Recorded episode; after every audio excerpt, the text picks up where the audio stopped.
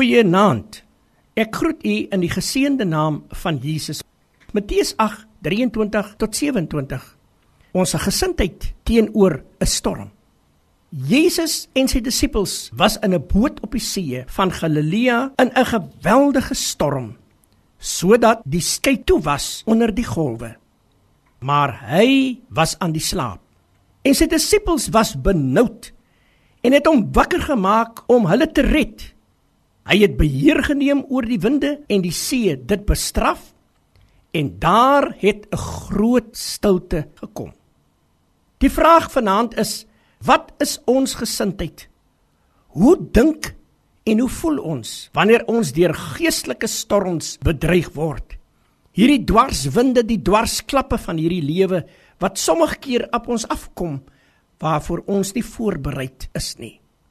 Ek praat vanaand met 'n luisteraar wat in diepe storm is. Jou huwelik, jou finansies, jou kinders wat moontlik op dwelms is. Jou maat wat vir jou gesê het hy wil nie meer voortgaan met die huwelik nie. Jou besigheid wat in 'n probleem is. Maak net seker, liewe luisteraar, dat Jesus saam met jou in die skei is dan sal hy jou krag gee om die storm te bestraf sodat daar rus en vrede oor jou en oor jou huis en oor jou hele nageslag kan kom. En ons weet volgens Romeine 8:28 dat vir hulle wat God liefhet alles ten goeie meewerk vir hulle wat aan sy voorneme geroep is. Die Bybel sê ons kan nou van een saak seker wees. God gebruik elke ding wat in ons lewens gebeur om sy doel te bereik vir ons wat God liefhet. Werk alles tot ons beswil uit. Wanneer storme en beproewinge oor jou kom, sorg dat hoe jy dink en voel sal wees soos iemand wat in God glo.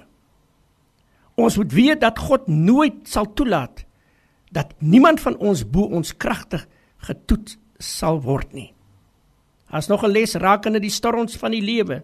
In Matteus 14:22-23 lees ons van 'n merkwaardige wonder waar Petrus op die water geloop het. En dit is ook die gedeelte waar Jesus in 'n skei gelê en slaap het terwyl 'n geweldige storm gedreig het om die disippels se skei te laat sink.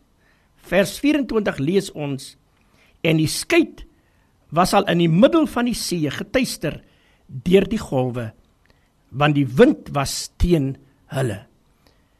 My gebed is vanaand wat jy ook al ervaar. Daai storm wat vir jou so hewig lyk en so donker lyk en so swaar lyk, kom ek as dienaar van God en ek wil vir u vanaand sê God is aan jou kant. En hy gaan vir jou dra in hierdie moeilike tyd. Miskien beleef jy iets soortgelyks. Voel jy dalk die storms en winde is in alle opsigte teen jou teen jou familie. Onthou net openbaar die gesindheid van Jesus. Die Here seën vir u. Amen